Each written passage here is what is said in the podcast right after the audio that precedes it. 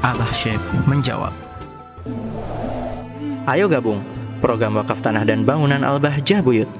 Hanya 200 ribu per meter. Assalamualaikum warahmatullahi wabarakatuh. Jika kami bersalah dengan seseorang, kemudian seseorang tersebut tidak memaafkan, padahal kita sudah minta maaf, nggak apa-apa. Tetap kamu minta maaf kepada orang tersebut. Urusan itu orang tidak memberikan maaf, biar nanti urusannya dia dengan Allah. Terserah Allah, bisa jadi nanti di hari kiamat tiba-tiba yang tidak memaafkan itu dipanggil oleh Allah. Kenapa kamu tidak mau memberikan maaf? Sedangkan aku adalah dat yang memberikan ma maaf ditegur nanti oleh Allah. Jadi urusan urusannya urusan Allah itu. Yang penting kamu kalau salah minta maaf. Ya. Nah, kalau dia nggak tidak memaafkan itu urusan dia. Berarti hatinya dia yang kotor, dendam, dengki. Ya. Nanti urusannya Allah itu. Wallahu a'lam bishawab.